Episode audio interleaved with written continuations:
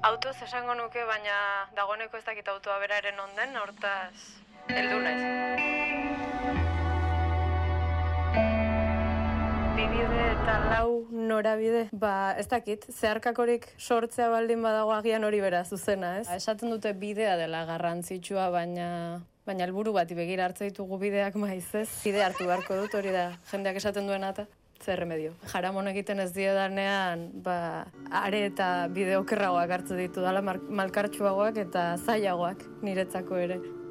Ez noa, ez nator eta ez nago. Kabitzen alzara, adjetibo bakar batean. Nahi behintzat, nahiago nuke e, amaika izan aukeran, bakar batean nire burua sartu eta hor kutsa istea baino. Zertarako egiten ditudan kantuak, de Montre. E, ez ditut zerbaitetarako egiten, oinak martxan jartzen diren bezala, ba, hitzak eta melodia jartzen dira martxan eta eta sortzen dira nolabait kantu horiek.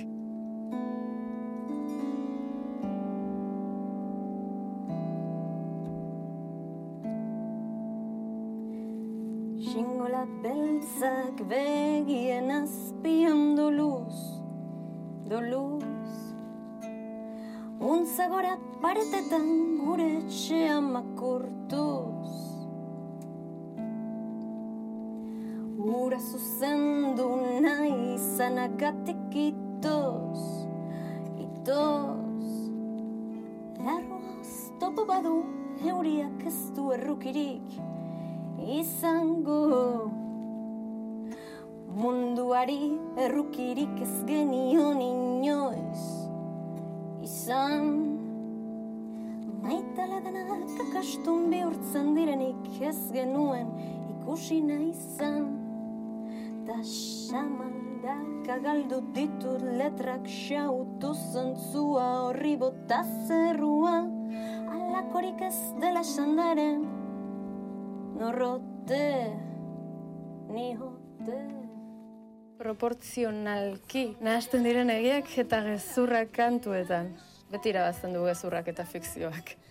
Interesgarriagoa da, errealitatea baino. Esango nuke gehienok ba, zer egiten dugula. Jeiki, gozaldu, jantzi, atera, lan egin, monotonia eta gristasun horretan ba, edo zein eguzki printz iruditzen zaigu ba, poesian, poesia bihurtzeko modukoa. Eta jeiki gozaldu jantzi lan egin beharrean kontatzen baldin badidazu, e, ba ez dakit, e, ez zarela jeiki baizik lo hartu duzula eta murgildu zarela fikziozko beste mundu batean eta kontatzen badidazu beste zerbait.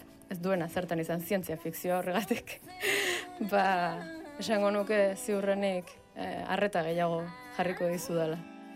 Banoa eta zegan oinak ditut Adjektibo bakar batean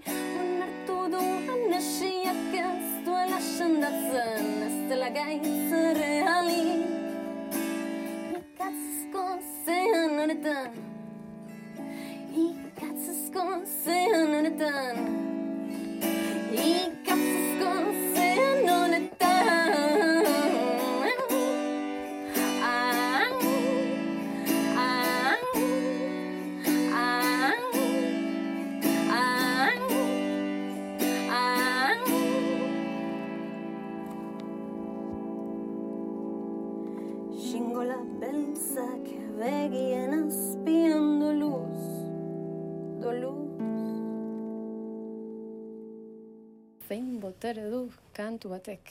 Ba, ez da bakarrik kantuaren erantzukizuna botere hori zein den finkatzea, ez? Entzuleak bizi duen momentuaren eta, eta aldartearen eta gogoaren araberakoa da, baina utzi ezkero eragiten eta eta mugitzen ari batzuk. Eragin dezake eguna alaitzea, edo tristura are eta ilunago eta zentzurik txarrenean gozagarriago bilakatzea, edo besterik gabe bizirik sentitzea unetxo batez. Musikak e, jarraitzen gaitu une oro, eta bada musika e, autobusean, eta bada musika filmetan, eta bada musika han, hemen, hor, baina ez dugu goratzen hor atzean ba, pertsonak daudenik, e, okinak egunero egiten duen bezalaxe. Gerra hondien kontra egiteko modu bat musika. Ba, ziurrenik ez da, izango modurik eraginkorrena, baina ziurrenik hori gabe zaila litzateke ezeri aurka egitea. Galtzaileok e, ez dakigunean beste modu batean laguntzen gure aletxoa jartzeko modua bada.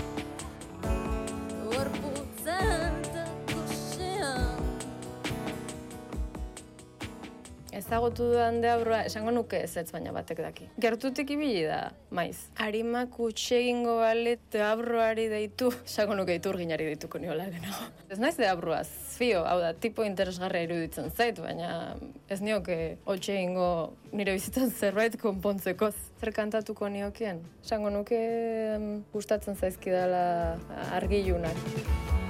Zure esoetan gora